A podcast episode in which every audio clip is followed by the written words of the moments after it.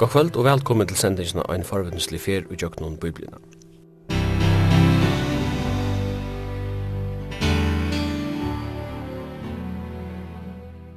Henda sendinger høyre lindene kvart mykje kvöld klokka 19 og endersend verer frugja det 17 part klokka 15.30. I studion er Simon Absalonsen, Jekvan Zakariasen og teknikar er Tørre Arne Samuelsen. Vi er i kvöld kommet fram til brev Jakobs. Jakobs brev 6 er vera eldsta brev i Nudja Testamentet og er helst skriva om ar halvtrus, etta best 20 år etter deg av Jesus her. Brev er allment, det vil sija er skriva til öll tryggvande. De fleste kristne tavar jötar, og te ei kjenne brevet vi te at myndir ur gamla testamentet vera nyttar, og er brevet annars er sira bersrøy og kontant skriva. Mittlen granskarar er det nesten ikkje ivi om hver hun skriva brav. Til Jakob, sonur Marie og Josef ur Nazaret. Hesen Jakob er omtalar i Apostlesøvn som den fyrste leieren av samkomne i Jerusalem. Og Josefus søveskrivaren sier at han var steinar til deis i Arnon 23. Båskapen i braunen er trygg som sast atter i praktiskon kristendome samsverande Guds vilja. Likla årene er trygg og versk. Jakob gjør evangeliet relevant og tåsar til dømes om hva sånn og lydaleis godsdurskan er. Han tåsar om å veksa andalia og over omhugsen ta en omgangst menneske. Evangeliet er jo til ødel, og personliga og sosiala arbeidin tja tryggvande tidsast a genga hånd og hånd. Og en trygg og i sast atter og praktiskun kristendom er nei. Ein trygg som ikkje sas atur i praktiskum kristendom er ein deitrygg. Han legger dent av at lusta og liva heldur enn bæra at tåsa. Av evnen og Jakob vidtjer i sin fem kapitlen kunne nevnast. Kapittel 8, tryggvinn som stendur røyndina. Kapittel 2, tryggvinn som ikkje gjer mannamon og sast atur i verskon. Kapittel 3, tryggvinn og tungan og tryggvinn og sannur vysdomur kapittel 4, Trygg og Lydne. Her avvarar han særlig mot vinskapet vi heimen. Og 50 og seneste kapittel omtalar særlig tryggvina og sosiala skildir.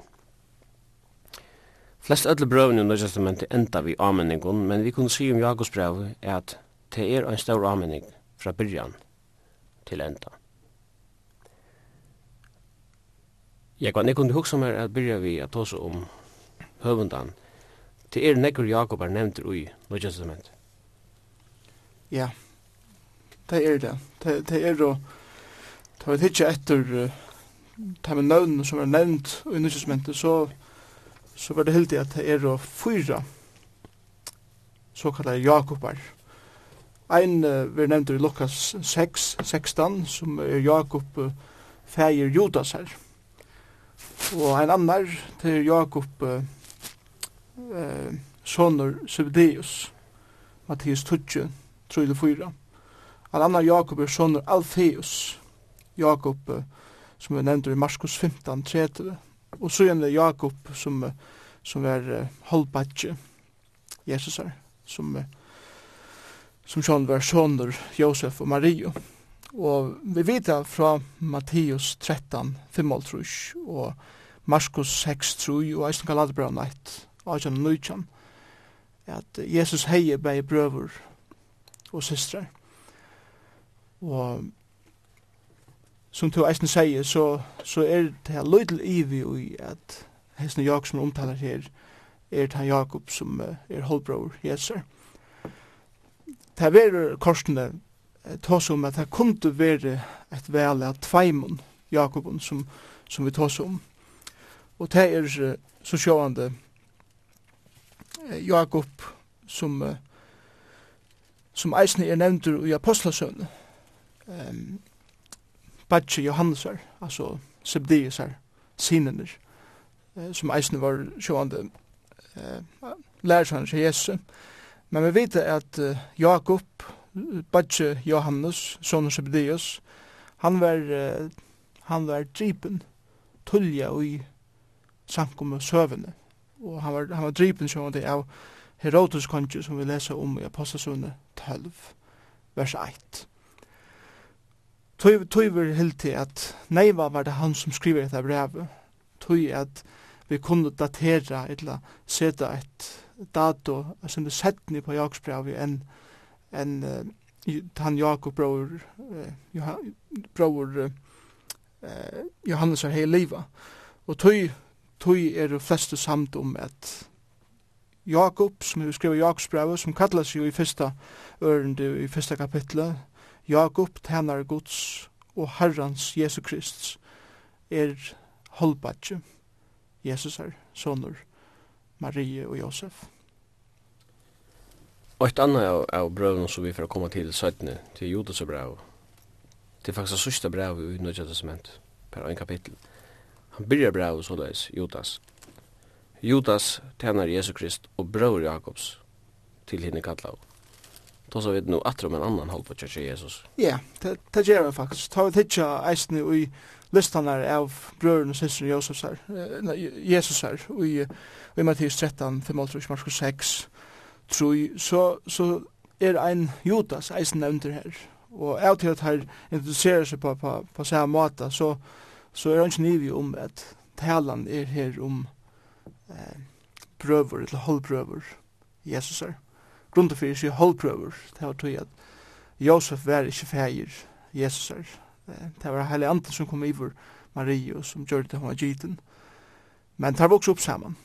Og vi vet eisene fra evangelien at ta og Jesus var færen inn i sinne tænas som han kom med at gjøre her og gjøre ta våre brøver hans her ekle nekv i modron, og vi vet eisne at her spotta av han, ta her skulle fære opp til Jerusalem til høgtøyne, så vi er, så gjør der gjølder på sjuren, og som, som sier okna at det er at teir trobo ikkje Jesus, sjalt om teir var oppvoksen saman, sjalt om teir så og Jesus bei tala og, og virka og gjer under og alt det, så høyde der hørst hjersta, og teir tro ikkje, Jesus, Jesus og hans er båskap og at han var til lova Messias og, og så videre. Men det viser seg at et eller annet er hent. At han har Jesus i krossfester og er opprisen og vi vet til dømes fra uh, 4 Korinthbrevet 15 ta Jesus viser seg for nekk von vittnen at prøver Jesus har vært vi her på en eisne og jeg tykker vi at det er å se Jesus av nudgen opprisen eh, hever god nåm i gjørsten og der er blottna er, og der hava sett seg til alit av Jesus Kristus, og hava bokse fyrir hånden. Og vi vet at, som du eisen nevnte, Jakob uh, gjørdes en, en ebla meter med avur, av til at han gjørdes den første leieren i samkommunni i Jerusalem. Og han vært han mever som eisen reiser seg opp, ta vi leser om den første samkommunfunden som var i Apostelsunnen 15, at han stod upp her som leieren i samkommunen i Jerusalem og sier til at ja, vi skulle ikke gjøres jøder for jeg gjøres kristen, men det er vi beileis trygg og god at vi kunne komme inn i samfunnet ved feiren. Og, og, så han var med, var med over som torde at standa opp for sannleikan og kosta hva det kosta vilde. Så det som suttje her bænt er til at bæge Jakob og eisne Judas var brøver Jesus er, som var ombrøtter etter at han se hver og Jesus Kristus holdbror herra velja vær. Jeg halte det ser avhåvert ta et hår skriva brøv Jakob og Judas på tjans Jesus at hår i byrjenen av braunen ta et hår lukka som presenterar seg fortelle hva det er at han slett ikke nevna til at han er brøver Jesus her etter holden. Vi vet at det at Jesus sjolver sier ved sine læresøyder, han kallar det for sine brøver. Altså, og i byrjan av sine tænas, han kallar han læresøyderne for tænarar. Søttene sier han vittar, nu, nu er ikke kallar det langt for tænar, nu vil kallar det for viner, til lukk som tar komne nær.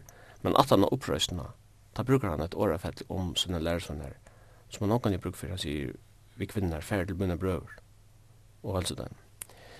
Og det kan godt være at, at disse her som har skrivet brøven her, Jakob og Judas, som var brøver Jesus etter halden noen, ikke ville bruka det her årafettle for ikke at uh, det ikke dent av det, hva skal man si, kjelskaper var bonden. Ja, jeg tror at dette viser en, en, en, en utrolig personlighet tja Jakob og eisen Judas. Det er som du sier, det kunne godt brukt henne kjellskapen som han høyde ved Jesus, og, og nastan, eh, hvis han veldu, høyde kunna litt seg sjolvar opp hum, alle andre, av til at han stod Jesus nærmast, da det kommer til bond. Men som du sier, så, så skyltet her kvæt det heila dreier seg om, ta og i ta skyltet at Jesus eh, hei beie tænarar og viner og eisne brøver og i eh, lærersveinen og i teimen som tante honom. Og tog eh, så ut her seg av samme hatt. Og da vi leser om Jakob og Juda, så sier det her, eh, lømmes Jakob sier her beint, Jakob tænare gods. Så han identifiserer seg selv, han, ikke som, som endelig brover, men heller som tænare. Og tænare herrans, Jesu Kristus. Og Hetta var sjokk ein mjúkleika som var ut heimen. Eh, han han velger å bruka et år som viser at han er undergiven honom som uh, hever ombrøtt hans herre liv og som han nu skriver om og som han finner visdom fra jeg skriver til uh, sine lesere.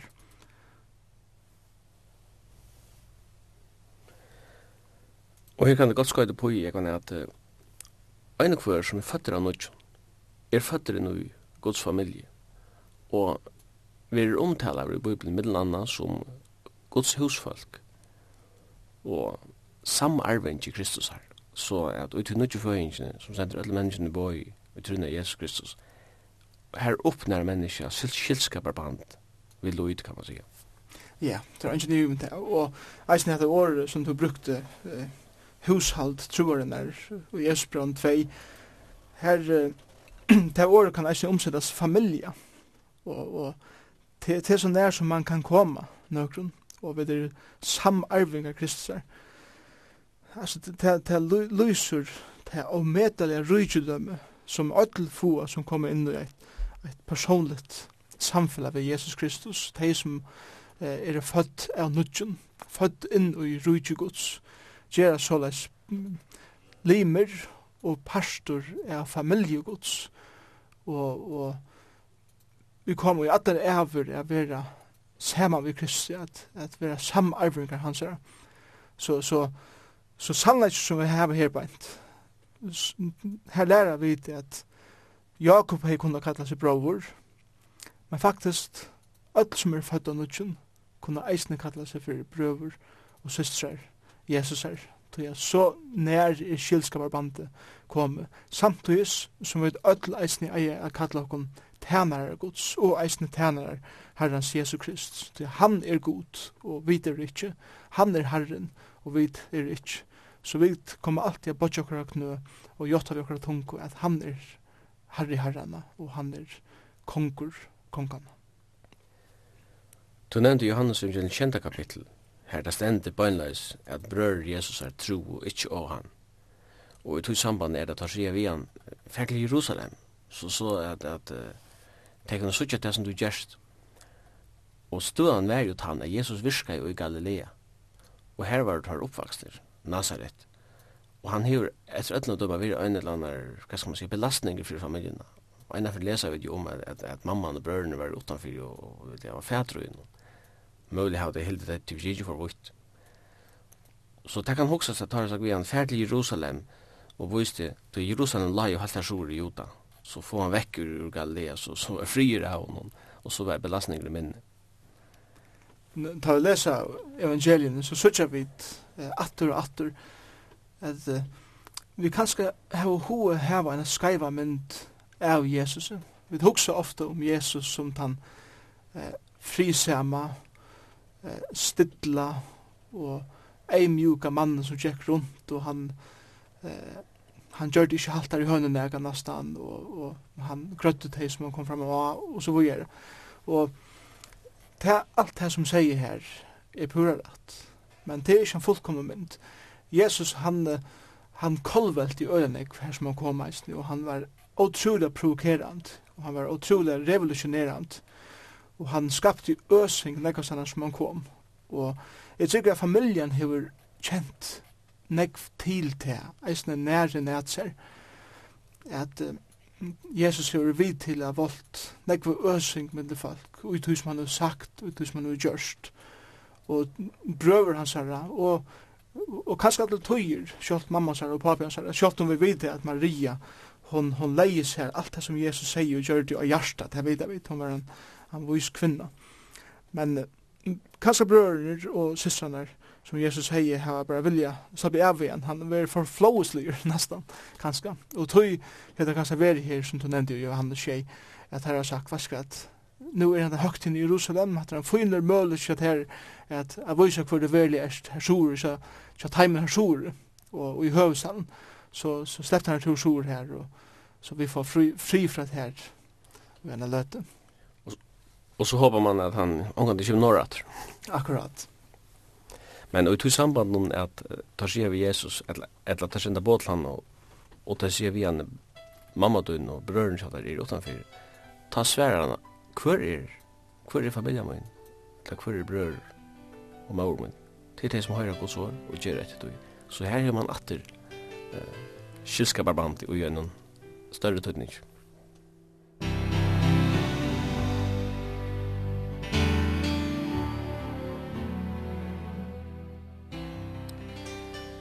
Jeg kan hvis vi skulle for inn og byta Jakobsbrevet opp, og så gjør vi så. Ja, det er sånn at det er mye mater som er mye bibelærare byta brev opp. Jeg kan kanskje lota tveir imiskar mater som jeg ikke har brukt sjolver. Den første iverskriftene, da jeg hittir etter en, en ivelite av brevene, så, så er det fra første verset til 18. vers i fyrsta kapitlet som vi kallar for røndur hins tryggvand. Så inne fra 19. verset til 22. vers i fyrsta kapitlet kallar jeg fyrir sanna Luiv hins tryggvand. Og så inne det kommer til 3 i skriftene fra fyrsta øren til øren kapitlet og atlan vegin til 5. kapitlet vers 6. Her gjev vi til i skriftene frestingar hins tryggvand og så gjerne i 5. kapitlet, vers 6 til vi vers 20. Det er kallet for oppmuntringar innsikvant. Så det er så, det er så ein, at det er en helt einfalder måte at kanskje byta brevet opp. En annan måte, det er at det er første kapittel fra vers 1 til 22 og kallet og kallet det fyrir ratt perspektiv i røyndun og i løyvunnen. Og her er tåsan sjån i fyrsta kapitli om røyndur som koma inn i okra loiv. Kvæt ter gjerra i okra loiv, og kosse ter så eirat avvirsk okra loiv, og hvor reaksjonen på eh, sluga røyndur i loivenen eira vera. Så inn i øren kapitlet, fra vers 1 til 8, det er praktiserande trygg og kærleik. Det er ikkje at gjerra mannamun, mittlen de som er røyk og fatek, eller de som er høgt sett, og kanskje de som er lagt sett i samfunnet. Og eisen at heva samnan eh, kærleika til, eh, til et mennesk som er eit pregv og på hvert sånn trygg er, som andre kapittel snur seg om. I tre kapittel, fra vers 1 til 13, her tås han om mynduleika eh, tungnar, eller mynduleikan som tungan hever, hvordan hun kan vera brukt øyande, og eisne hvordan hun kan vera brukt oppbyggjand. Og i uh, fyrstunda til 18. ørende, og i tredje kapitlet, har vi, eller kallet jeg bare for vysdom, falskan og sannan vysdom. Den falske vysdomen, han, han vil omtale over i uh, 3. kapitlet vers 14 til 16, og her tås han om til dømes bæska övund eller ho til strui, eller at uh, rosa sær, eller at likva i måte sannleikanum, og så sier han at hesen visdommer kommer ikkje fra men er av av naturene, og eisne av ytlen anden, sier han. Så til den falske visdommeren som, som Jakob tåsar om, men til eisne sannur visdommer, og til fra vers 16 og 18, Visdomen omanifra er fyrst reinur, sujane frisamur, mildur, lealir, fottur av miskun og góun avvaks, utan, utan flokka kjensl og ikkje best eite, og avvaks rattvisna verur i fri suartheimen som få fri og i lea. Så her sørger vi kontrastanar og i hessan versen middelen falskan og sannan visdom. Så gjerne i fjóra kapitlet fra vers 1 og alla vegin sjokkna kapitlen, lyka inn i fymta kapittel til vers 6, tåsar Jakob faktisk om trobelegan som materialisma kan heva i løyvunnen tjøyne tryggvand. Til området jeg sier at, at uh, han tåsar ikkje om endelig om at materialisme er øndi seg sjálfun, men til troanen etter materialisme og etter to jøriska og, og vantane som er uitui. Han tåsar ui, ui, ui fjörkapitli om ofri som, som er uthøy, at uh, han tåsar om, om øvund, han tåsar om strui, og han tåsar om nekv, nekv imist, i tjøkken 4 kapittel, og eisen inn i 5 kapittel, og her tåsar han særlig om at eh, det gjørska, ta råtnar, og det vil ete som møller, og det gonger til, til, til grundar, og let okkur tog ikkje tro at det tog som, som uh, verir ått, og som skal ikkje standa til endan. Og så til endan, så gjer han bare nekrar praktiskar vedleiingar, vi vysjande eh, løyve innsikvand, og hvordan det er så, hvordan det her så veri liva ui, ui en uh, praktisk løyve. Og han tar seg her og omtildømme seg at halda å ta i vid genga kjøkken allsins frestingar. Han uh, tar seg om ikkje at svørja, Han tar som å heva en praktiska tænast og en bønar tænast og eisne om at endurreisa teg som er og fotlen. Så, så, og, og her endar han så, så bra vi kjans her. Så at det er et avmedelig praktiskt brev, kan man godt sija. Og et brev som er fullt av djupare godfrøy.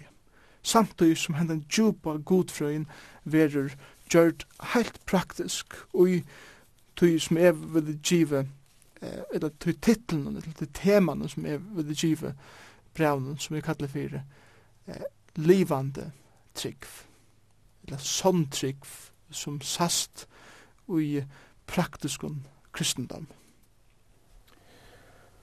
Du nevner praktiskun kristendom.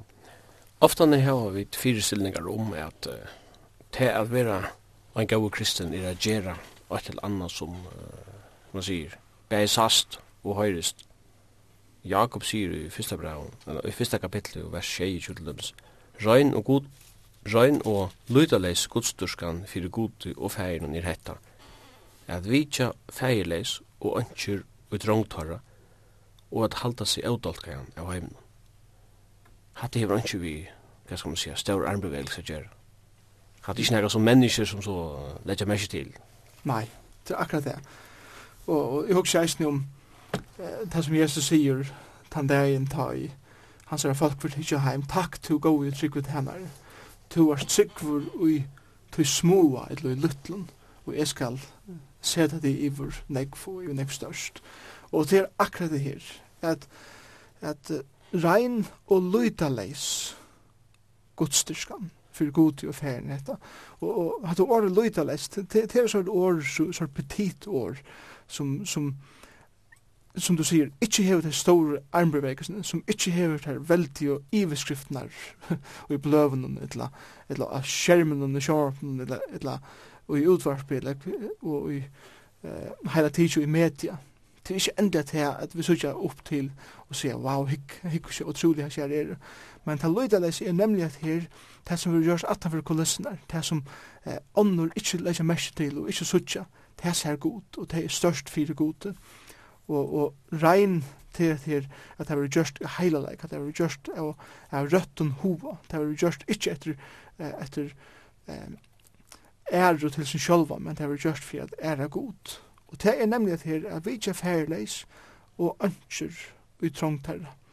Og det er nemlig at er færre til teg som kanskje ånder heva hova gløyma. Um, en stor trobla uh, I hese tøyene var nemlig at det var anker i samkommunen, som eisen gjør det at det var bøten utan en papa. Og til dømes Paulus tåsar eisen om det i Timotheusbrønnen, at vi må hava en kipan fyrir hvordan vi tek okken av anken. Og Jakob sier her, bare, ikkje glem at de som, som ikkje hava en brei vinnare i husen, tek deg av dem, vidje deg, oppmuntre deg, og stole deg som nek som du kunne, bæge andalega og eisne eh, likamliga, eller futjarliga og praktiskt. Og så sier han samtidig, og at halda seg ådolkajan av heimen. Det er, det som Jesus sier, at vi er ui heimen, ikke av heimen. Vi må være involvera i ui eh, tar tørver som hessen heimer hever. Vi eier være involvera i sosialt, og til, til dømes at, at vi ser færre så hjelpa enten trångt om tarra. Det er å være, sosialt, til å være i okra samfella og vi eier hjelpa teim som løya nei, vi eier er vera vi i okkara samfellag. Men så sier han, samtidig som du gjør det så skulle du halda det kun odolka i av heimen. Det er at de skulle ikke være involvera i, i den, det synd som eikjenner hennar heim. Eh, tan roleika som eikjenner heimen og, og tan levna som kanskje er mittenfolk. Det skal du halda det fra samtidig som du tæner gode og i en heim.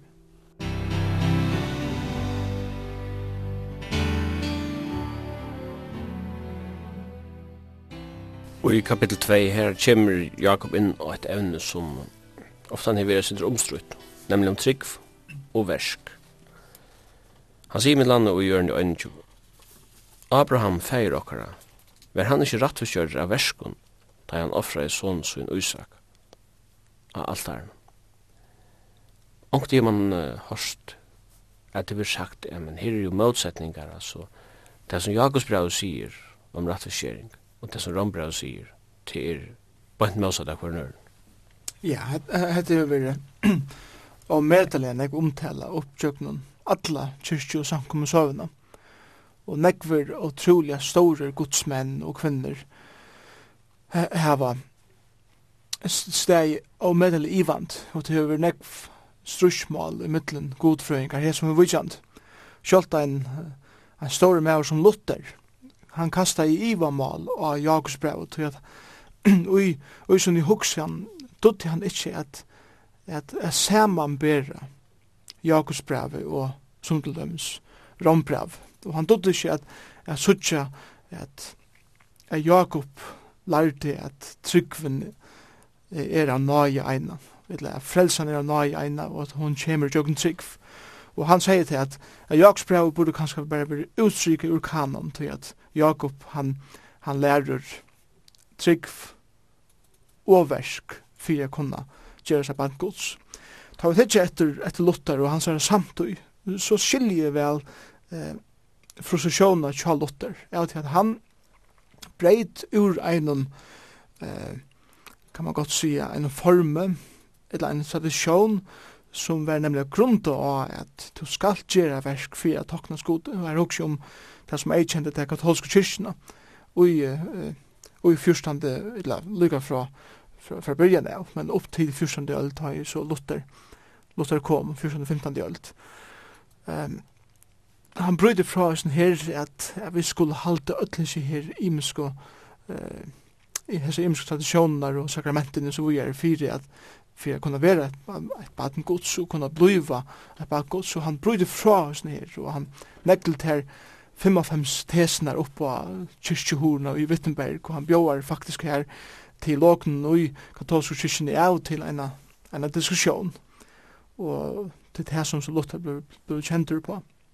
Og han vende seg fra oss ned at, at, at vi skulle tokna skot vi at gjera versk og han er rønt alt sitt liv og han hade meir god meir meir som han rønt at tokna, tokna skot meir meir i verskun entel knappli hendan dagen han sitter i klostren her oppe og i herbergen sjasar og han knappli affær han ljós ivor, hva det velja vær som nagen er og hva det er som trygg er. Og, og så han, han, han fer hendan ekstrema pendulen kan man godt sia, at, at det er av nage eina og til at trygg for eina, såla fite var, var det som Luther sier, at trygg for eina, såla skriptura var eisen det som Luther sier, at det er skriften eina. Og samtidig så stender han her, og han, han, han fer ikke det her harmonisera, at Paulus sier at, at vi kommer, vi kommer inn i en forhold vi god, vi trygg for eina utan versk av nøy gods. Og så leser han Jakobsbrevet, og han sier at, at tryggven må hava versk. og tog sier Luther etter. Nå, ta og vidt hitje etter Paulus og Jakob, ta der tåsa om trygg, og der tåsa om, om nøye, og der tåsa eisne om versk. Så må vi koma til, til dette her, vi hesten her grunnleggjande, eller hesten grunnleggjande meira, det er at skriften motsier ikkje sjálvar. Det er ikke motsøgn i skriftene. Tøy er trobladjen ikkje i skriftene, men trobladjen er i munnare eh, hoksan om det som skriftene lærer. Og tøy må jeg atur og atur, eh, kan man godt sija, endur skoa og endur hoksa eh, munna asjon, eller askoan, og på det som er røyner at, at jeg skilja, og Paulus og Eisni, og Jakob. Og her kommer det til at hava et rett perspektiv om hva trygg og versk er, og at hava et perspektiv om det som Paulus sier, og eisne om det som Jakob sier. Så, så ligger det i perspektiv. Hvis vi, hvis vi spyrir spurningen, hva er trykanta og hva er fyrakanta samtøys? Så har jeg kjøtt sværvere og kanskje et stort tjøkkenhoksesværvere anki, til anki kan vera trykanta og fyrakanta og i sen. Men så, hvis vi tøk hoksa løysen langur, så har vi Sverige på hans spurningin hva det er trykanta og hva det er fyrakanta og i sen. Og det er en pyramida. En pyramida er trykanta eller fyrakanta, alt etter hva for perspektivet du hikker etter pyramidene og på. Om du er uh, i en flikkvara og hikker etter en pyramide omanifra, så er den fyrakanta og ikke trykant. Men om du sender av hjørne og, og hikker innan søyene av pyramidene, så er det en trykant. Men, men pyramiden er bare trykant og fyrekant, men det er hongre av bare for en perspektiv du hikker etter pyramidene fra. Så skal man godt samanbære eh, Jakob og Paulus tar hitje etter eh, trygg og verskon fra hver synum perspektivet Og man kan godt se til at Paulus hikker etter trygg og verskon omanifra. Lømmes tar vi lesa i, i Efesusbraunen, øren kapitlet, om hva trygg er og hva nøy er, så kan man godt si at Paulus hikker omanifra fra Guds perspektiv, at her god hikker etter hva i sånn trygg er, så ser han det såleis at menneskan kan ikke gjøre for at, at hava sanna trygg og, og er vera møtt baden. Tog at vi sutje ikke hva det er i hjertan til menneskjan, bare god ser. Og, og, og Paulus hikker fra Guds perspektiv, da han sier her i Efsusbraunen 2, vers 8, tog jeg nøy er de frelst, vi trygg, det er ikke av til kun sjolvun, det er gava gods, ikkje av verskun for at angen skal rosa seg. Så Paulus sier her på fra Guds perspektiv, Guds ser hjärsta, eh, og arent hever ut i verskun, så sier, så sier Paulus, fra Guds perspektiv, så er det en nøye frelst, til bæra vi trygg, som er hava drivet dere til min, til ikkje det dere selv, til en gava som god til givet dere, til ikkje at dere er verskun, for at de skulle halda tid en jeg er i snir, nei, til det jeg ikke er i snir hette fra gode eina, og det, er det som, som trygg er. Så kommer Jakob, og han hikker etter sin meira, fra en jøriskund, eller menneskjallion perspektivet. Og da vi leser i Jakobsbraun øren kapitlet, og han sier her bare til dem så i 14. ørende, hva hjelper det her brødremøyner om ein sier at han hever trygg, til han hever ikke versk, Man trygg for frelst han, og, og ta i vidt hidgettelsen her fra en, fra en jøriskun, eller menneskelig perspektiv, så sutja vi ikkje som god ser hva det er i hjertan. Og tog kunne vi ikkje sia eh, at, at det kan, det kan prekvast, at hessen hever trygg, utan at vi sutja det i verskun, som, ver, som er et urslit av hese trunne som han hever i hjertan, som han er god ser. Og vi leser vujere uh, i seitjendørende, så lest vi trunn i eisene. hever hun ikkje versk, så er en deg jo seg sjálfum, atjendørende, men nu sier onkur, to hever trygg, og jeg hever versk, vis mer trygg tøyne utan versk, så skal jeg av verskommunen vise til her trunna. Så, så her har vi et anna perspektiv, og det som Jakob sier, er til at tryggven må suttjast i verskun. Tog at at menneska ser ikkje trunna som er hjertan, utan at han tryggven som er hjertan vil utint i verskun, og ta verskje eh, vil skriva Jakob alla min om i tjokken hetta, dette brevet. Og han brukar til dem sånne mynd her, i 15 årene, er bror tog inn eller syster til nætjen, og hever ikkje føy for degen, Hva hjelper det til at onker sier vi til færre i frie, verme til og mette til og han gjør dem ikke det som likam noen tørvar. Det, det er, det, det er eh, nega som, som ein bare sier, men det hever onko avvurskan, og det har ikke kjørt vitt. Og det er ikke sånn trygg. Tøy sier han at trygg vi må suttjast og vi tykkara, vi tykkara, dagliga degi. Og til det som Jakob brukar alt brevi om å skriva om, og han gjør praktisk dømi om hvordan trygg eier han suttjast. Nå, det som er avhåverst, og i hese diskusjonen om trygg og versk, til det at begge Paulus i Rombraunen kapitel 4 og 5, og Jakob i Jakobsbraunen 2, brukar ein mann som er dømi om hva trygg og versk er, og det er Abraham. Og Paulus til dem skriver om, om Abraham og Trygg. Og han kommer fra hessen, hessen perspektiven omanifra, som, som, som sier her beint, og i fjora kapittel i Rombraunen, vers 1, Hva skulle vi ta si at feir okkar Abraham hef vunnet etter holden? Vær Abraham rattvistgjørre at sig av verskun hei han nekar rosa seg av.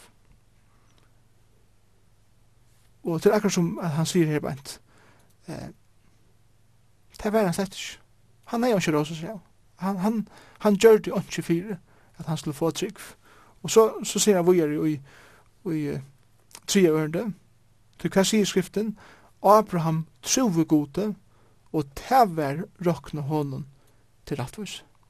Så Paulus sier at Abraham gjør det ikke fyrir at Gud sier, ok, nu har du gjørst det her, og tog er så rett for kjørt. Nei, nei, nei. Han sier at Abraham tror gode, og tog er rett for kjørt. Så det er argumentet til Paulus, og det er, et, det er argument som er pura rett. Det var Tryggven som rett for kjørte Abraham. Men så kommer, så kommer Jakob, og han ser ut til å argumentere bænt i motor. Han tar seg her bænt om trunnan, og i 20. ørende i ørende kapitlet. Men vet du vite til toma menneske at sykven utan versk er ånytt. Abraham feir okkara, ver han ikkje rett for av verskon, tar han offra i sonsun uisak og alt er noen. Så akkur som han sier her bant at, at Abraham gjør det versk fire, at han var rett for Men det, det som vi må skilja, det er det at ta ui Abraham offrei i Isak og altaren. Det er i fyrste Mosebok 22. Ta vi lesa om at Abraham var rattvuskjørter. ta er en tro og gode. Det lesa vi om i fyrste Mosebok 15. Det er det samme som at det gjengu om omlai 20 år fra 1. Mosebok 15 til 1. Mosebok 22. Og tryggven som Abraham var rettforskjørte vi i, i, fyrre i 1. Mosebok 15 var prekva, kan man godt sija, og i tog verskjene som Abraham utinte i 1. Mosebok 22. Tal sier det samme som at det som Jakob sier er ikke til at av verskjene verður rætt for kjørg. Det er ikke det som han sier. Men han sier at versk er et ørslit av sannare rættforskjering, av sannare trygg. Så at tryggven som Abraham heien, hon gjør det til at Abraham utinte nokre versk i sin løyve, som er prekk på hans trygg.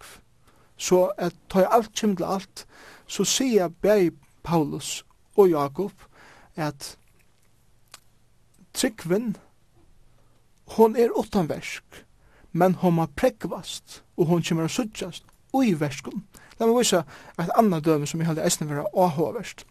Ta jeg vidt uh, lesa til et vers som heter her. La meg lesa det, Arne sier hva det er. Etter vilja søgnen, fødde god okkon, vi sannleiks åre, så vi skulle være frumgrover skapning hansara. Så her sier vi, etter vilja sunnen fødde han okkur med sannlagsår.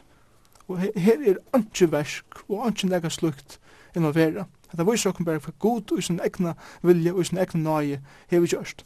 Hetta leva som Paulus hever skriva til. Men Jakob hever skriva det.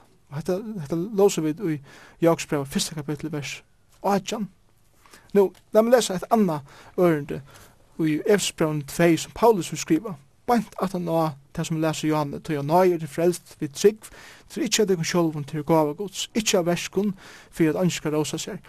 Men så leser vi et vujar. Tog vi er smui hans skapt ui Kristi Jesu til go versk. Som god framan undan hefur lagt reier, at vi skulle liva ui teimen, det er liva ui teimen go versken. Hatta leva som Jakob. Jakob Mata Paulus som skriver det her. Så det som Paulus sier, fra en, fra en godomlig perspektiv, er tryggven utan versk.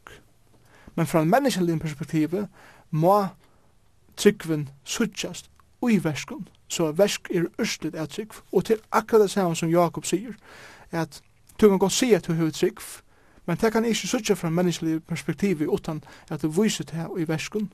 Men tann tantrykven veri givet her av gode, og god hever givet her trunna fyrir at hun skal ut innan henne ui en praktiskun kristendom. Så, så, så eina for enn til perspektiv som vi tar om her beint. Paulus ser det fra en godomlion, Jakob ser det fra en menneskelig perspektiv. Og tar vi tåse om evangelisering, og tar vi tåse om at, at lotet hever menneskjon, så hadde jeg vidt eie at heva bæge perspektivene. Så det er som, som mennesker i det som halte at jeg må gjøre hattar, og jeg må gjøre hit for at jeg skal takna skote. Og bare hvis jeg er god nok, eller hvis jeg gjør noen nek, eller hvis jeg gjør noen nek til det fatar, eller hva det skal være, ja, så må god for at god takk meg til at jeg gjør så god versk. Ja, men det er pura skreiv god for Og det som, det som vi må si her er at nei, nei, det, det er slett ikke det som Bibelen lærer at komme inn i samfunnet vi god, at være rettforskjøret av god, til er at trygg for eina, vi har teg imot det som god langt hever givet der i nøye sin, og, og best er å si at takk for det, at du døye for meg av krossen, jeg trygg for at du døye for meg, at du blå renser mine sind, at du reis opp for en deg, og du kan komme inn i mitt liv og i det. Det perspektivet må vi heva, men vi må eisne heva hitt perspektivet, hver folk eh, kanskje bare ho og sier, fint jeg, jeg tykker bare, fint så jeg billett til himmels, men nå at man bare liva og lade akkurat som hun vil. Men det er eisne et perspektiv som vi eisne må, må avvære i motor. Tog at om ein sier at jeg fint, jeg tykker gode, men et liv samsværer slett ikke vi til, og kanskje vi kommer livet i synd, og han har ongan ho at gjøre nega som er godt, og nega som er til ære for god, og som opplevd navn herrans. Her sett i spørsmålstegn vi, er at en verilig trygg? Og det er det som Jakob gjør i eisen, er at en verilig trygg? Men god versk må suttjast om jeg sier at jeg har trygg for god, og at jeg har samfunnet ved Jesus Kristus. Avvøkseren må suttjast om liv er i trænen. Og Jakob bruker til mynden eisen, eh, at dette tre kan ikke fruska frukt. Ein rådet tre kan heller ikke friska frukt. Og sommerleis, om ein sier at han hever trygg, men han ikkje er god versk, ta kunne vi sette spørsmålstegn vi om tryggven er en verlig tryggv. Så, så, så las halde jeg vi kunne harmonera tryggv og versk, bæg til Paulus og eisne til Jakob. Og vi synes at her er ønske motsøkt, men her er en fullkommen harmonier i ødlund.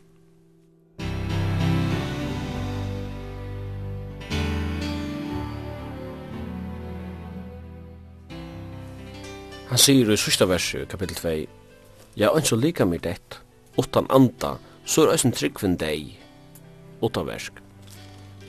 Hvis vi hoksakna lika, eh, organismen hever sine fysiske funksjoner, andadrotter og pulser og alt det der, som vi betraktar som sikker luftstegjen.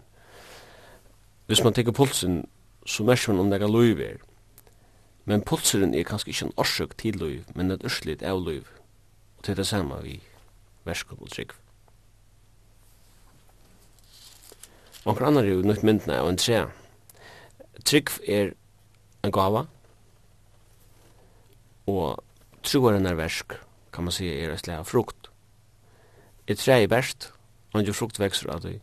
Du får ikke liv i tre, vi er for å kjøpe noen frukter og henge der på tre og som så fer man helst lov og i nega som er det vi har tvinga seg til å gjøre gode så tar ikke man under lovene. Men de gode verskene som kommer innanifra, som er urslut av at lov er ui trean, det er faktisk det som Jakobs brev tåsar om. Ja, det er akkurat det som Jakobs brev tåsar om. Og det er faktisk akkurat det samme som Jesus tåsar om i Johannes 15, der han tåsar om avvoksen av, av trean, og han tåsar om at, at utan med kundan skjera, og ta med kundan kan avvokst bera. Og tog er det ene av de som er eh, ui Kristus, som kommer å heva en avvokst i sin andalega liv. Og Kristus han er vi at, at vi til at, at uh, rensa okkun, han er vi til at litt okkun opp, så er vi bera meir og meir avvokst i okkar liv.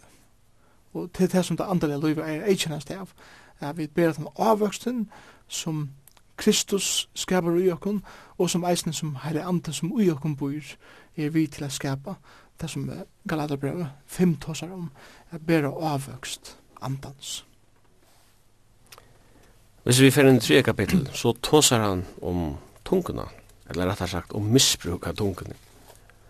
Og man kan sige på en måte at det er nøkker at de herraste utsøkene du hever ui Nødvendig testament han er rettelig kontanter og til tøyer brutaler.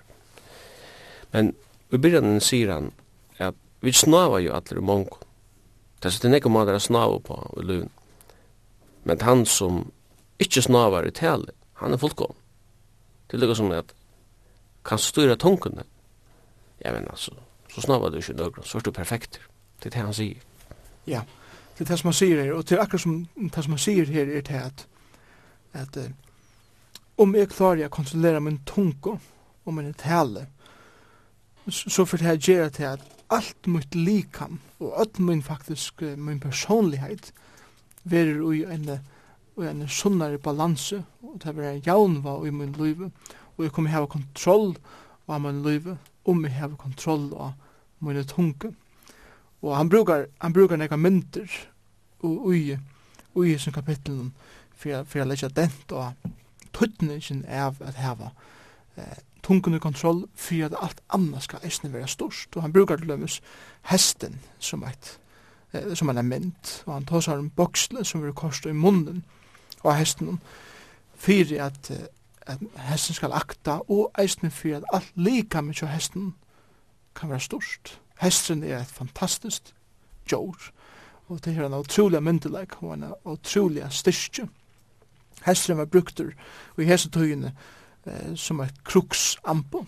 Og, og om, om eh, han som sæta hesten ikke kunne kontrollere hesten, så var alt fullkomlig eh, ut av kontroll. Og, og han er, han er unga myndelag av hesten, og, og det kunne skapa utrolig skia. Han bruker eisen mynden av skipen, at det er ute hos en veldig hevnen, og det Det var rikje av høyre vinte og av stauron altun, men det er et løyde ambo, et løyde ting av skipen som styrer ötlen, og til råre. Og somleis er hessen løytle likamsluteren som heter tungan, eh, så løyte, og kanskje virka så avskildig, så er hun heilt medalja stor, og hever heilt avmedelig myndelaika og han brukar eisen myndina om elden, at uh, hitje etter til lytle elden, hvordan stor han sko kan han ikke sitte eld av, og han sier at tungan er som eldur, at, at han kan, tungan kan knusa nyer, og han, hon kan brenne opp som en veldjur, skobrandur. Så Jakob han avværar motor hvordan vi bruker okkara tungon hvordan vi eh, tala, hva vi sier, fyrir at alt rundt om okken og vi sjálf kunne være stort. Og han, han brukar eisen en æra mynd i fyrsta kapitlet, vers 19. Her sier han, men kvørst menneska vil kjøtt at høyra, sent at tala, og sent til vreie. Så, så vi eier at, at styra munnen, Og det var anker som sier så, at god skapte jokken vi, vi tveimun øyren og ene munn, for jeg vil eie at lust at færforsnek som vi snakka. Og, og det er en stor samleik, vi tøy. Han tåsar om tungene som dolkar. Man kan sutja fyrir seg, og seg hos røyne man er, hvis man detter i rennestøyen, og i så mye man kommer ut om, så kan det ikke samme hvordan man vaskar seg, hvis man automatisk blir skiden til det samme vi vi tungen. Han sier at hon dolkar alt lika. Det er akkurat som at, at, at tungan gjør til at alt det som er om ver ver ver dolke av det som tungan sier og, og det som er så av medelige ramande ved tungan er til at tungan kan være vid til at utspytla og baktala og dolka ånder. Men samtidig som jeg dolka ånder vi munnen vi er jeg sjolver dolkaver. Og jeg kommer til å dolka öll hei som er rundt om meg. Men tess regnar mun tungir, tess vi er jeg, og tess vi er eisne eh, de folksen som er omgengist, og de omstøv som er jo i. Her vil jeg vid til heldre rensa enn at, enn at dolka. Og tog er tungan av medelig området, og tog er det eisen Jakob brukar som nega tog til at ta seg om tungene. Og det er nok så avhverst jeg ser man bedre det som Jakob sier om tungene vid det som Salomon og i årtøkene eisen sier om tungene og sier om talene i hele tiden. Så det er et avhverst studium som anker kan kanskje hver hod til hitje etter, jeg samarbeidar hva Jakob sier om tale og tungene og hva Salomon i årtøkken sier om tale, om tungene her. Ja, men landa sier Salomon at av åranøkt kommer dara tale. Hvis vi hittir kapittel 8 i Hagsbrand, så, så nevner han æsten tungene langt her. Det her som vi tar som nu er i tre kapittel. I første kapittel tar han mitt landa om at, at hvert menneske øyer er vera kjøtt at høyra, sønt at tala og sønt til vrøye. Teg er vers 19 og vers 26 i fyrsta kapitel sier han Om onker heldur seg durska god og heldur ikkje tungu sinne ut heimon, men darar hjarta sitt. gods durskan hansara er til åndsjus. Så det ser ut som at utan enn å kontrollere et så er gods durskan annars virisleis. Det som man sier i sin ørden her er akkurat her at det er nevnt at, at sia alt møvlet og, og jeg kan godt heva um, en tungo som, som kanskje kanskje ljøver ljøver godt og, og jeg sier kanskje at, at det er dusje godt og så gjør men det som jeg sier verlig kommer at avspegla om min godstyrskan er sånn eller ikke jeg kan godt si at, at ja jeg, jeg er ikke god og ja, jeg er en sikvand men som er samtidig ganger og bergtale folk og ganger spytle folk ut vi, vi min som og tunko.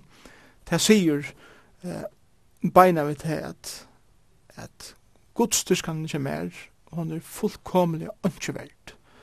Og det er bare tomtala, og det som er veldig gjør til det at jeg dår ikke god, til han ser mot hjertet, men jeg dår min sjølvan. Og jeg kommer standa etter som en dåre, og da Bibelen bruker etter året dåre, til, til et øyelig størst år, Og Jesus brukar det sjolver, dåre tøyn. Han brukar det om ryka mannen som, som sier at nu er jeg så ryker at, at nu skal nok klare meg utan god. Og Jesus sier her, dåre tøyn, hesa nått skal løyta ut kraft av det.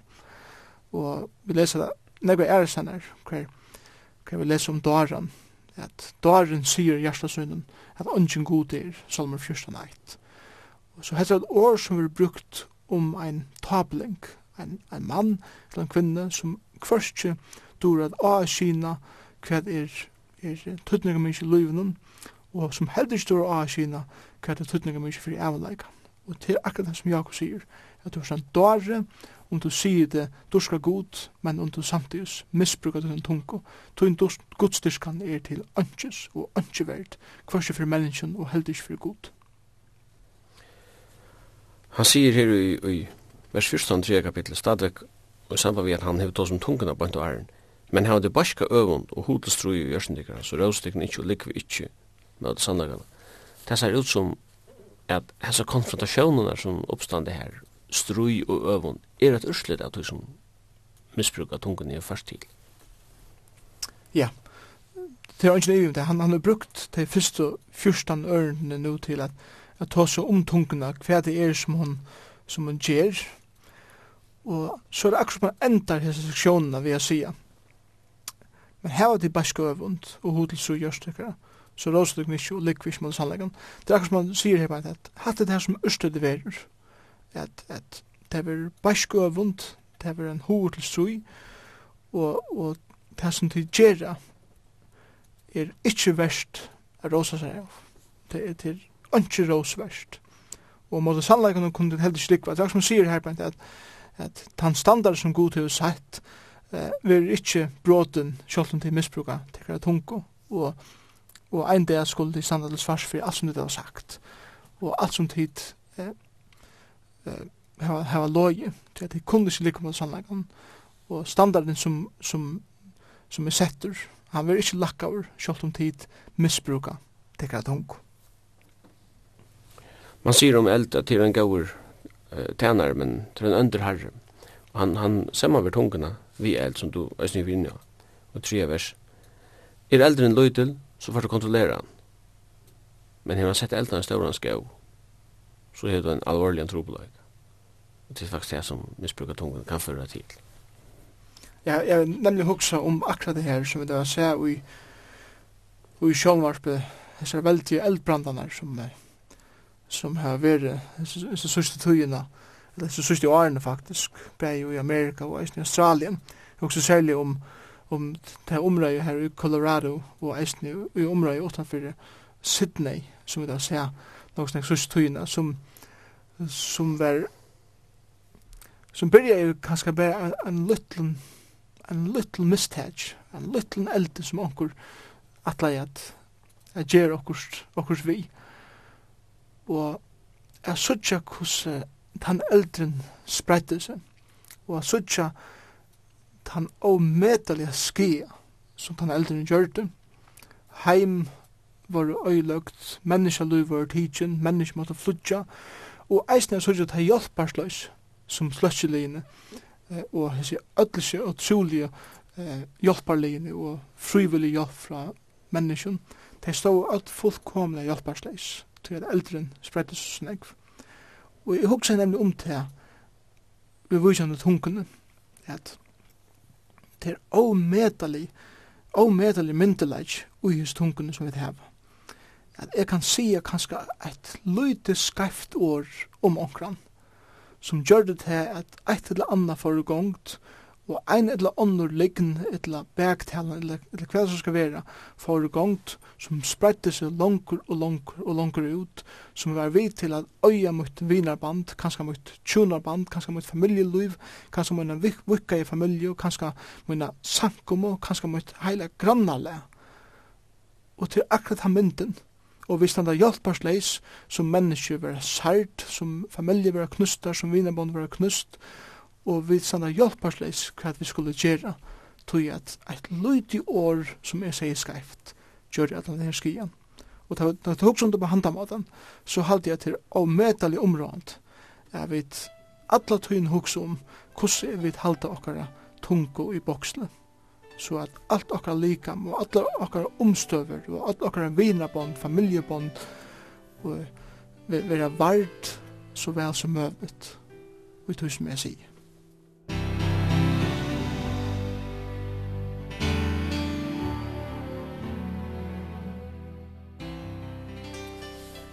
Søgnast i kapittel 3 her tåsar han om vysdom og i gasei. Det vil vi ørnåren sige at her er det nega som mennesker kallar for vysdom, men så god sier at det er at det er ikke vysdom at det er røyna møsten. Så sier han hva det verlig vysdom er, til han vysdom som kommer oman fra. Men nega som teg betraktar for vysdom, det var av naturen, det kom innanfra, Og han, han får enda så lengt at han sier at det kommer av et eller annet anton.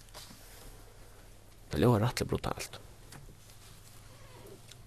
Kanskje okkara øyren, men uh, jeg halde det at, at vi må ikke glemme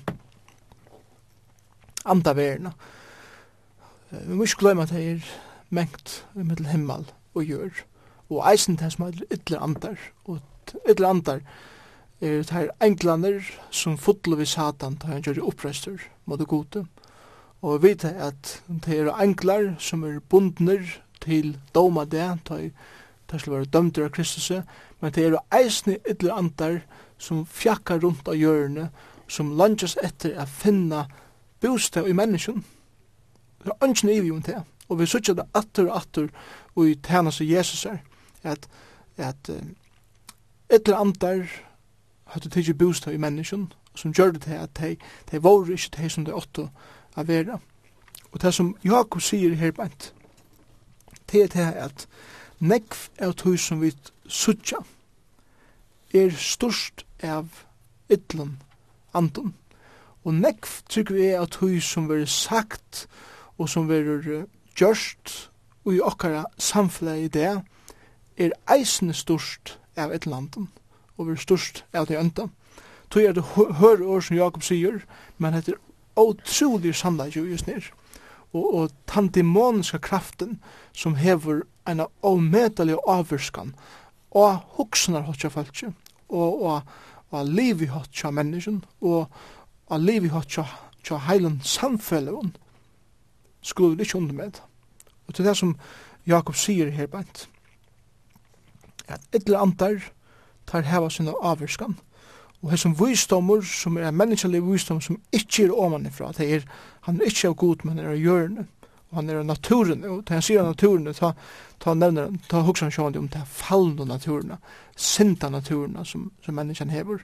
Og hva det er sint, det er nemlig det er alt det som kommer fra Satan, og det som honom høyre til, og av ytlen anton. Så jeg har slukt arbeid uh, som er, som er at tjenere uh, for herren at jeg vil konfrontere vår uh, nek sjølver uh, vi vil kjenne et landen og, og jeg, jeg sutje til nek ui menneskjen uh, ui min, ui min arbeid at, at jeg sutje folk som er avvarska av et landen som er besett av et landen og og så videre. Og, og tog, tog er det naturlig for meg å si at det som jeg sier.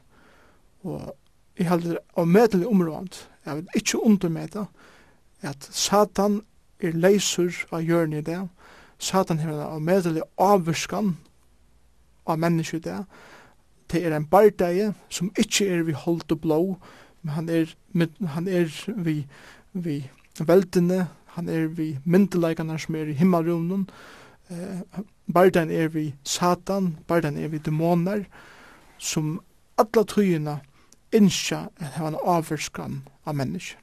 Trygg vi ikke at en tryggvande person kan være besetter av en eller annet, men jeg trygg vi at en tryggvande person kan være avverskavur av en eller annet, og kan være avlåpen av en eller annet, og tøy eier vi alla tøyina er vera uilaten herklei gods, det som Paul, Paulus sier i Esbran 6. Hesten bardein er en verlig bardei, og han er, han er til stier kvante alla sannar, og vi må vera uilaten herklei gods. Ta i hitje etter okkar samfellag, som er et samfellag som er gypt fattelig og sint, så kan jeg eisen si at, at okkar samfellag og okkar avgjerir ofta i okkar samfla er sturdar av avvurskan av idlun anton og tui önda som kjemur fra tui. Ta i hugsi om alt det pornografiska, alt det osigelige, alt det, alt det olevnaver som vi sutja i okkara samfleide, så er det en avvurskan og et uslit er sind sjåvande, men til eisne en avvurskan og uslit er at tui myndeleika som ytler andar heva okkara samfleide og eisne av vantrykkan menneske i okkara samfleide og i det. Og i ödlen hans her som Jakob fordømer, og i sin listan her, her nevner han æstene flokkakjensla, som er nærsagt av til ønda. Er det ikke ofte det som jeg kjenner eh, kristendom, det er eller kristna samkommer og kyrkjer? Jo, tyverre måtte jeg si, så Jakob brukar ikke nekka tuja, nemlig at tås om det og i øren kapitlet, henne flokkakjenslan som er, som er i middelen folk. Og han nevner det her, jeg synes det er 16 år, det er 3 kapitlet. Men jeg vil lese det her i øren kapitlet, fra vers 1. Brøver munner, trygg for tikkara herran, eller herra okkar Jesu Krist, hinn dur med det. Eh, Lett ikkje vera gjørst i mannamun, kjemur innan sankum tikkara mevur, vi gudlerin av fingrunum, og i stasling klævun, og eisen fatak med vi kommer inn og skittne klæven. Hedja tid ta av han, og er henne ståslige klæven og sier, sett hu de her i godt sete, men sier vi en fatak, sett hu de her, etla, sett nir her i fotskammen min, er til ikke kommer i strøy vid ekon sjolvar, og er våren domarer av avrotten grunden.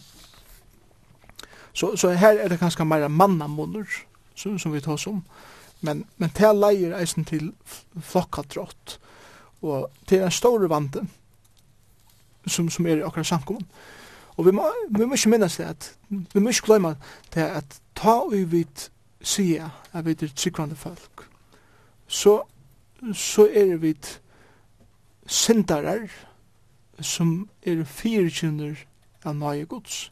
Det er ikke det samme som at vi er sloppen av vi atla sind, at vi er sloppen av vi til avvurskan som sind kan heva okkar liv.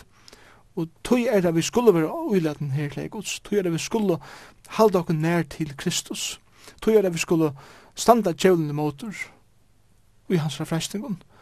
Og vi er ikke alt fyrir en verja, at vi er ikke gjerra mannamån av, av folk som kommer inn i okkar samkommer. Vi er ikke alt som vi kunne, og i navnet Jesus her, at, at velge okkur måte flokka kjenslo, så la at, at det er strui mellom brøver og systrar. Så det er en vante som vi da har egen i åpen fire, og vi standa stersk tar vi standa djevelen motor, som Jakob sier, standa hinn under motor, han fyrir flutja fra dekken, og tar vi standa er uila den herklei gods, ta skulle vi vera førfyrir standa motor svika og alabon, djevelsens, og ta min gluande pylen som han sender, etter okkom. Det er avhåverst, og i som visdommen som er hjørne, og som, visdommen som er åmannen fra. Han sier at visdomen åmanen fra her i 3 kapittel vers 16 er først og fremst regner, så er frisammer, så er mildur, han er lealiger, og han er miskunnsammer, og han eikjennes av gøsko og gåen avvøkst utan flokkakjensl og ikkje best eit. Det er øyelig avhverst at samanbyrret her vi avvøkst andans, som vi har kallat på 5. Her leser vi da avvøkst andans, det er kærleitje glede, frigjur, lengmo, myldleitje goska, trofeste, spekføre og frahalt. Så vi sykja nekva lykheiter i middelen, vysdom som er omanen fra, og som eisne er avvøkster andans.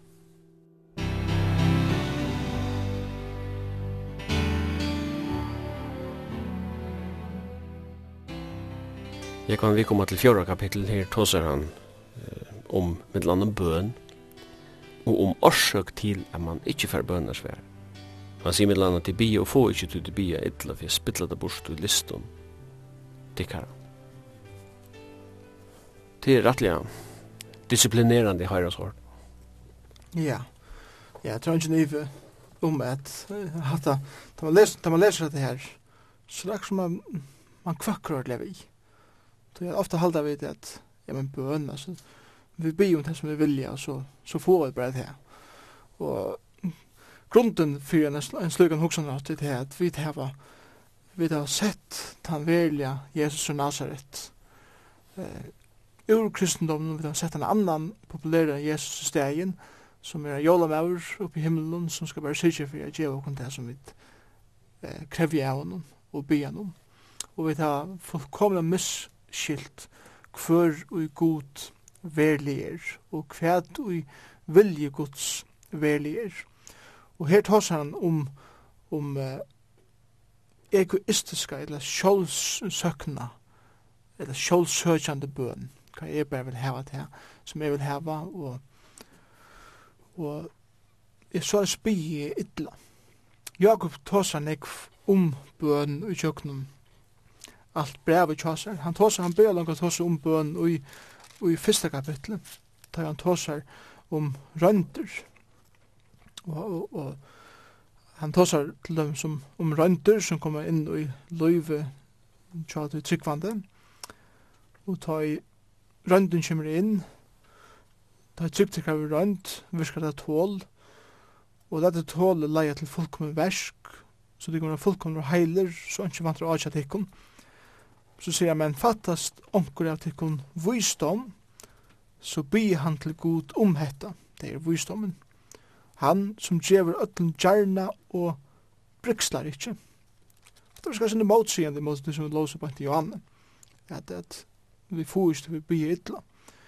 Men uh, det som jeg sier her, det er, ta vi bi om visdom, ui okkara løys omstøven tar vi det er ui røyndun, ta er det god djever og kan vise om gjerna.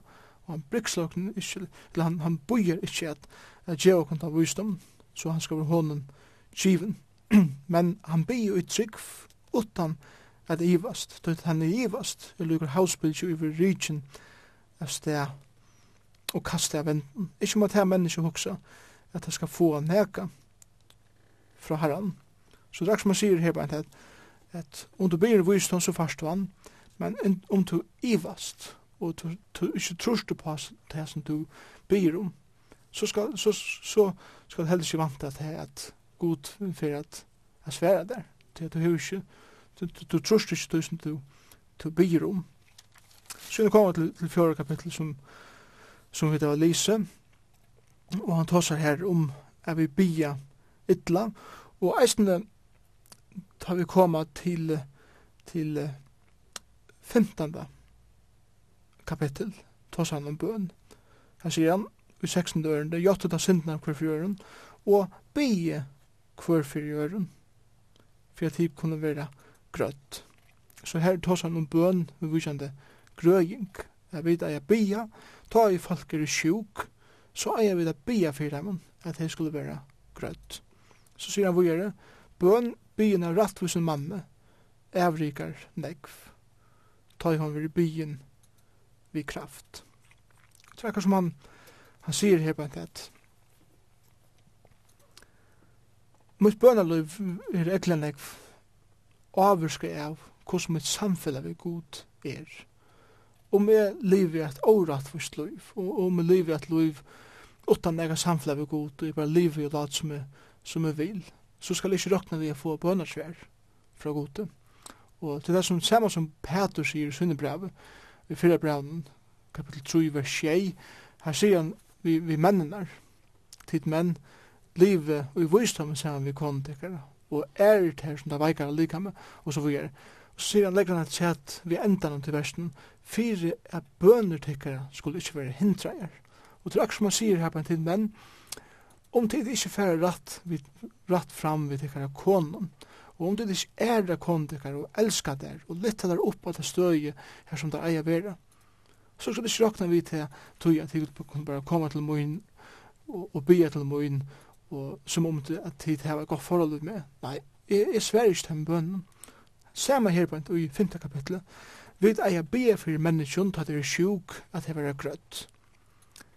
Men om vi skal bya for menneskjon at det er grøtt, så må mitt liv først og fremst tja du som byr være rent liv. Og jeg må, jeg må liva et liv som sansverd det som skriften lærer, til at om vi ikke har et rent liv, og om vi ikke lever et rettvis liv, så er ungen kraft i mine bøn.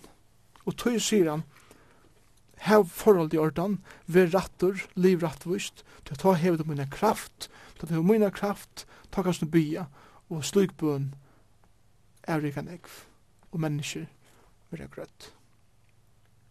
Man kan si at det som Jakob sier her er at hvis bøn vil oppfattes som at at slag kjoldtuggebor til å dekka egoistisk, egoistisk antørv, så vil mennesker finne en stånd an himmel, da det blir. Ja, det er pura rett. Og jeg tykker det at vi lærer oss medlemlegg av til bønnen som Jesus bærer i Gethsemane. Jeg halder vi det er alltid at jeg bia. Uh, Vær vilje tøyn og ikkje møyn. Og ta jeg høyre folk sia uh, at vi eier ikkje bia vær vilje tøyn uh, og ikkje møyn. Det, det halde er fullkomlig skaiv godfrøy og til en, fu en fullkommen misling av hvor god er og hvor er er. Vi eier bya til vilja gods, vi eier bia eisne, og vi eier a letja okkar omstøver og i detaljer framfyr god, og eisne det som vi innskja framfyr god. Men vi eier eisne a sia, men veri villig tøyn og ikkje moin, til god veit hva er best fyrir meg. Og Jesus ber hatt av kvöldu arna for åtta krossen, god tek henda kærleikin fra meg, til jeg orsan ikkje, men veri villig tøyn og ikkje moin. Hvis Jesus fikk sin vilje her, så er han ikke ferdig av krossen, så er han ikke fullkomna til verk som han var kommet å gjøre. Han, en spurning er hvor vær hessen, hessen bæstje kærlighet som, som Jesus ber at ferdig skulle teka fra seg. Det var ikke øtten for pynen av krossen, det var heller ikke øtten for at vi var slien og spottaver og sputter og hermannen, men det var, det var vamle fire at han nu måtte teka synd upp på sin, at han måtte gjøre sin, at han måtte teka heimsins synd upp på seg sjølvan, for at hun kunne være utstryka av krossen, og han, da han hukte nyer i kærleikin, som, som innebär alla det synd som, som, som hever vært fra byrjan av og til endan. Han, han, han hukse, åh, jeg kan ikke det her. Men han sier, god, veri villig tøyn, hette vi kommer til å gjøre, og han fullførte verst. God veik hva det best og god veit hva det beste mun løyve, ta jeg bygge til han.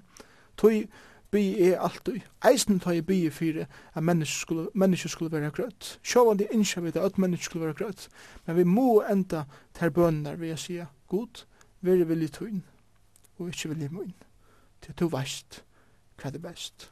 Tøy er bøn, ikkje sjåltøk og bør, bøn er et endelig samfunn av god, hver vi utøysa okkara innskir, kan vi utøysa okkara gjørstu framfor gode, vitande at han er han som veit hva det best i mun liv og eisne for mun avleika.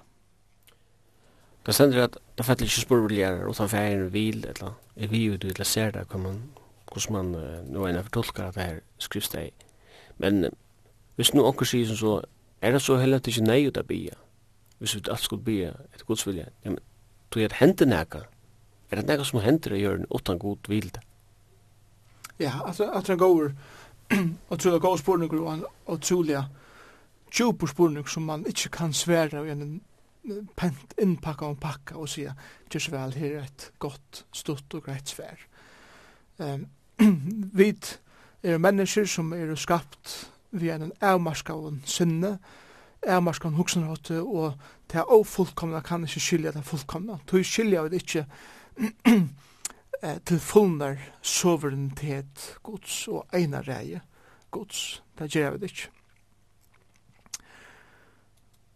Om bøn er bare a bia fra gode, og at han skal bare gjøre okkur til som, som vi vil hava, så, så har vi misskilt bøn. Bøn er et innelig samfunnet vi god, et innelig samskifte vi god, til et, et dagligt liv sammen vi god, hver, hver er, er i samtale vi god, og hver i høyre hver, hver god sier vi med, og i jøkken årsut, og i jøkken der stitteløtene som er sammen vi god. Jeg har ikke yngst at jeg har slukt forhold vi, vi mine bøten, hver jeg bare kommet til min, til å ha bruk for jokken, og de kommer bare til min kanskje om morgenen, og det søtte feir kunne vi få morgenmøt og det som åkken tørvar i det. Takk for. Og så hørte jeg fra dem for noen kvalitet. Feir kan du eh, ikke åkken et år for til sånger og det åkken. det har vært et ekkelig tømt liv sammen med mine bøtten. Somleis innskyr god at uibøn at heva et, et samskifte vi åkken. Hva vi tåsa vi god om okkara daglige vierskift, om okkara daglige eh, tørver, om okkara daglige hoksaner, om det som er i okkara liv, om det som ligger okkara djupta hjärsta, om det som vi er frustrera iver, eller om det, det som vi gledas iver, og så videre. Og, og for å komme til spårene som vi vidkjente, er det så neie til bya. Ja, til neie til bya, tror jeg at bøn er meira enn til at jeg bare bya det som er tørver. Bøn er samskifte og samfunnet vi god. Og til det kommer til at bya om det som Gud vil, så vil jeg sagt, ja, det alt som til alt, så vei Gud akkurat hva det er som han, som han vil, og Gud ut inni det som han sier det skal være. Samtidig så er Gud soverener at han hatt, at han kan sige at ja, jeg velger lust til det her som jeg kan bære med. Jeg velger å gjøre det her som jeg kan bære med. Um, Abraham tog seg ved god, ta i Sodom og Gomorra, skulle det være lagt i øye. Og Abraham sier, god, om det er holdt trus folk i Sodom og Gomorra, vil du så spæra stegen. God er sagt, jeg fyrir øye Sodom og Gomorra, men han sier vi Abraham, Abraham, om det er så mye nek folk, så skal jeg spæra stegen. Og tale videre vid minkai og minkai og minkai. Og, og her vær så vil jeg gå kjørtra allukavall. Vi leser ærestanner om at at eh, vi, vi, vi bia fyrir at mennesker vera grøtt og det vera grøtt. Vi leser æresandre om at vi bia fyrir at mennesker vera grøtt og det vera ikke grøtt. Hvordan det ser ut akkurat og kvui, det veit jeg ikke. Og jeg held vi, vi må være eimjuk nok til å sija, jeg veit ikke, og jeg kom i ein til å sutja heldar mynden av öll tog som god gjer her og gjør men det løser seg bya, ja, fullkomlig. Vi er i kapittel 4 tåsar han mörk, hva skal man si, filosofiskt om løyve. Han brukar en mynd her og sier at uh, hva er det løyvtikkara? Det er røyker som sast løytlastånd og er så borster, stender i ørende fyrstan. Og det ser ut som han anvender deg om men de bruker alle sikker orsku på det som har foldaløyden om til. Og så er det bare røyker som tinnis og er vekk. Konsentrerer deg om deg anna. Det er særlig i, i fjorda og fymta kapitlet hver han tåsa nemlig om om det jørska eller materialismene og alt det som vi henne kjemur. Han tåsa til dem så i og i den første ørenden og i Og i fjore øren, det er her at, at vi vil heva, vi, vi, til strui til at vi troa, og vi heva ikke, til drepa, og til bare øvund, til, til, til heva, til vil heva neka, og til få det ikke, og til gjøre alt fire, a få det, til ikke strui og til ikke ofri, tess vegna. til akkur som at han sier, altså, løyse det, så det man vel hoksar om det, at, at det skal kosta så nekon ofri, det skal kosta så nekon strui, bare for jeg få noen meira ting inni tekkar liv, til jeg ta i alt, kjem til alt, så, så vera det bare en stutt at hui. Og liv vi her gjør er bare en stutt og røykur. Og jeg husker ofte om det da jeg tenter et Uh, Vi sitter elda en tennstykk, og til jeg lydelig røykur fra honom, vi blåser han, og røykeren forsvinner, og han er borster. Så les er løyve. Løyve er et ekvelig stort løyv. Det værer i trus og fjers, første og arve som vil liva eh, en vanlig mannsalter, og så er det ivesteg. Og vi brukar alla okkara orsku okkar tøy til at få meir og meir under okkum, og få meir og meir ting inn i okkara løyv, bæra til at dodja fra tøy. Og jeg husker ofta om en her løvs til hans her løvsfilosofina som er enskon eh, sier the one who dies with the most toys wins han som dør vi, vi mest leiketøy, eller vi mest tinkun, sikrar, og, og tomleikan og tøy. Det er akkur som at jeg skal bare samla så nekv som møvlet under meg, og han fyrir grøvna, som om at jeg fyrir vimmer, men jeg får ikke vimmer og, og alt det som er av strust fyrir alt mitt liv, det fer bare til nasta, jeg spytla bort, og det er det som Salomon, og i predikaren sier at alt virkar en tidsje være fullkomelig, vonlist og meineslest. Og han sier det vujare, Jakob sier det vujare her bare i femte, kapitlet, Nút, nút til ryko, grati og gremje tikkun om vannløknar og givet tikkun koma, Rygdommer tykkara er rottnavur, og klæi tykkara er møleten, gull og silver er rusta burstur, og rustet herre skal være til vittnesbord mot tykkun, og etehold tykkara som eldur. Tid av sauna skatter og syste døven, og så vugjer. Og til som han sier her beint, det er vi enda, løyve fyrir enda, og det er for å komme hver vi skulle standa til eia til eia vi domaren, som, som hever givet okken alt som okken tørver. Nå, til området jeg sier her bare at Bibelen talar ikkje i motor rydgjødømme. Bibelen talar ikkje motor tingon, men hon talar i motor troanene etter eh, jøriskon rydgjødømme. Bibelen tåsar omgandi om, eller i motor om at heva gull, eller silver, eller rydgjødømme, eller klæg, eller hva det så skal være men om det blir en troan, at hette det som jeg vil ha ondt om, jeg vil ha meir, og jeg vil ha meir og meir om min liv, det sier Bibelen, at det er sint, og det er råden til alt ilt, troan, etter slukon, etter slukon rykdømme. Men vi er heldur at bruk okkara uh, rykdømme, at bruk okkara silver, okkara godl, okkara klæje okkara okner til at æra god vi og at djeva og at utinna verskuts herra gjør vi. Det er for at djeva løn, og det er det som for at bør, bør avvokst bare her i løven og eisne og i avleggen.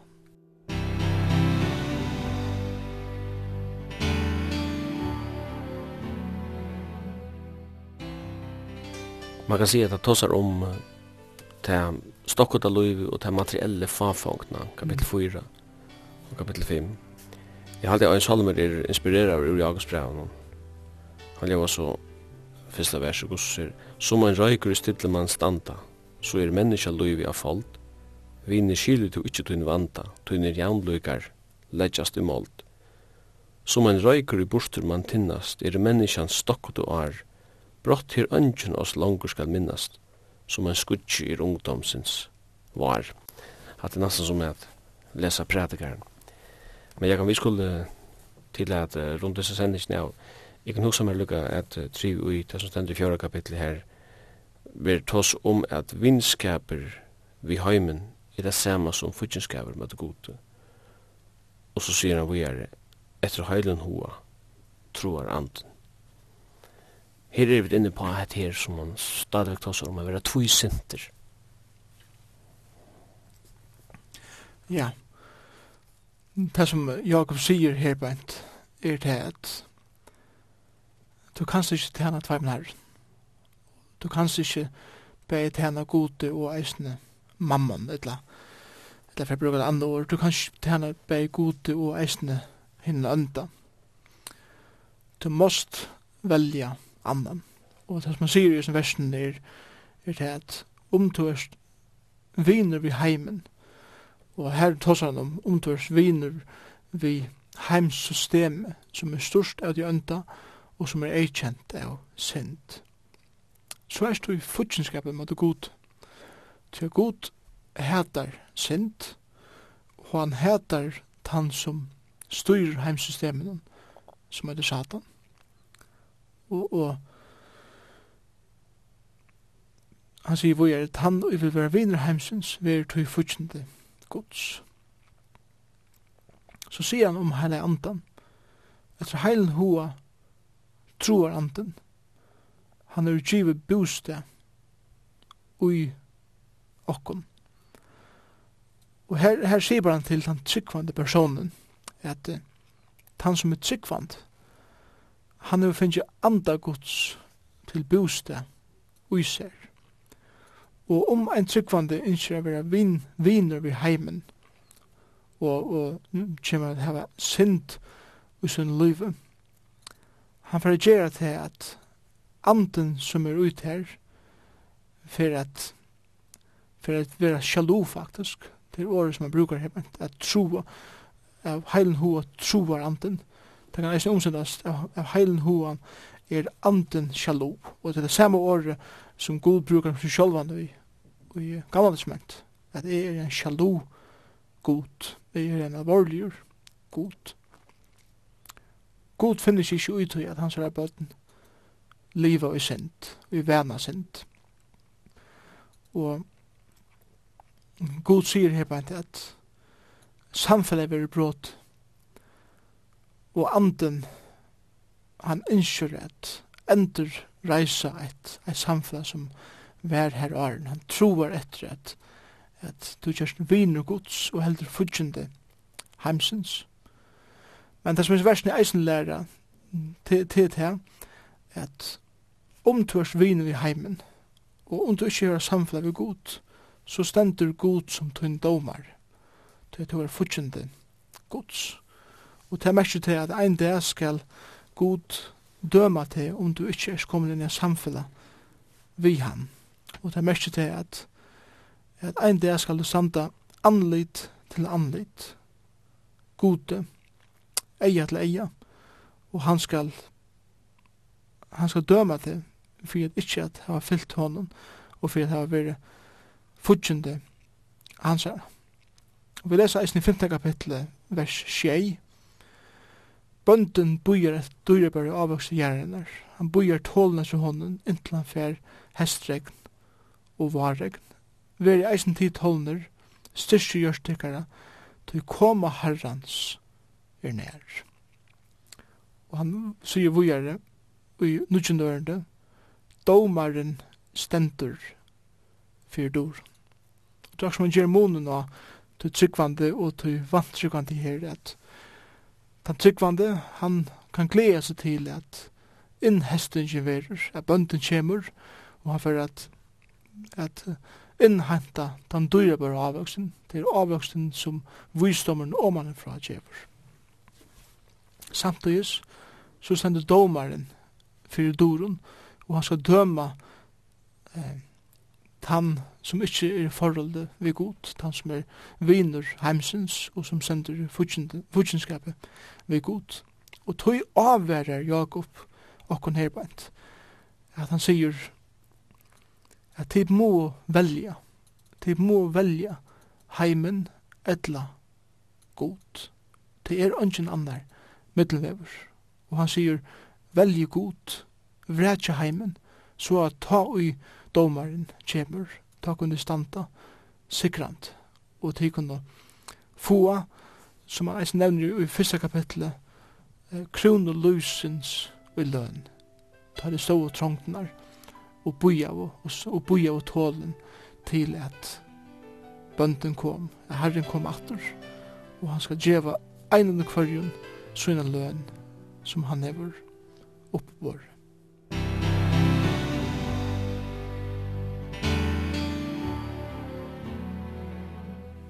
Og her vi så færre vi da takka fra okkon i lindene i kvöld. Jeg skal sija fra at henda sendingen og en farvindslig fjeri i jøkken er at høyre lindene kvart mygge kvöld klokka 19 og hun er endersendt fra jødda 17. part klokka 15.30. Og i studion var Simon Absalansen, Jekan Zakariasen og teknikar var Tor Arne Samuelsen.